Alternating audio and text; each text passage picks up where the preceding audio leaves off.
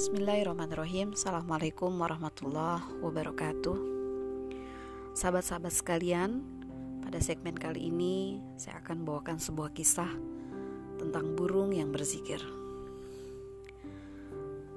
Suatu hari sahabat Anas bin Malik radhiyallahu an menuturkan bahwa ia pergi ke gurun bersama Rasulullah.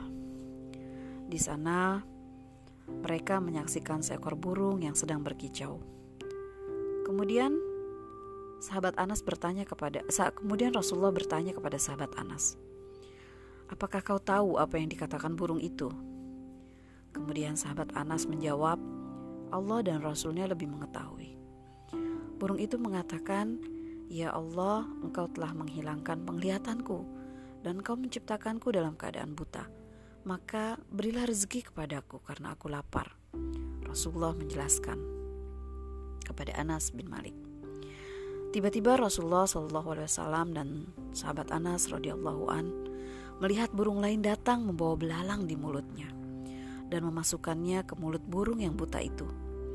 Setelah makan, burung itu kembali berkicau. Rasulullah bertanya lagi kepada Anas bin Malik, "Apakah kau tahu apa yang dikatakan burung ini barusan?"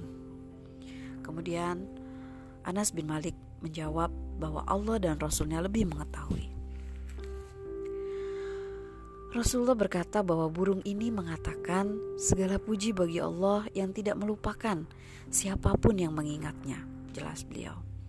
Dalam riwayat lain disebutkan bahwa burung itu berkata, barang siapa yang tawakal kepada Allah, dia akan mencukupinya.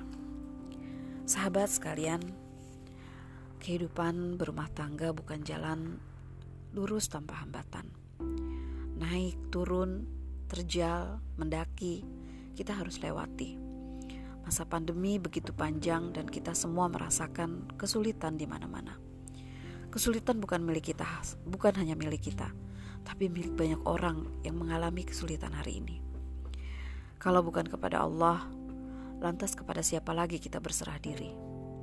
Allah lah yang menciptakan kita, Allah jualah yang akan memberi kita makan dan memberi pakaian kepada kita. Sahabat sekalian, jangan pernah berputus asa kepada rahmat Allah. Karena Allah adalah sebaik-baik penolong. Dan jangan pernah berhenti untuk meminta kepada Allah. Karena Allah adalah sebaik-baik tempat kita meminta. Demikian, Assalamualaikum warahmatullahi wabarakatuh.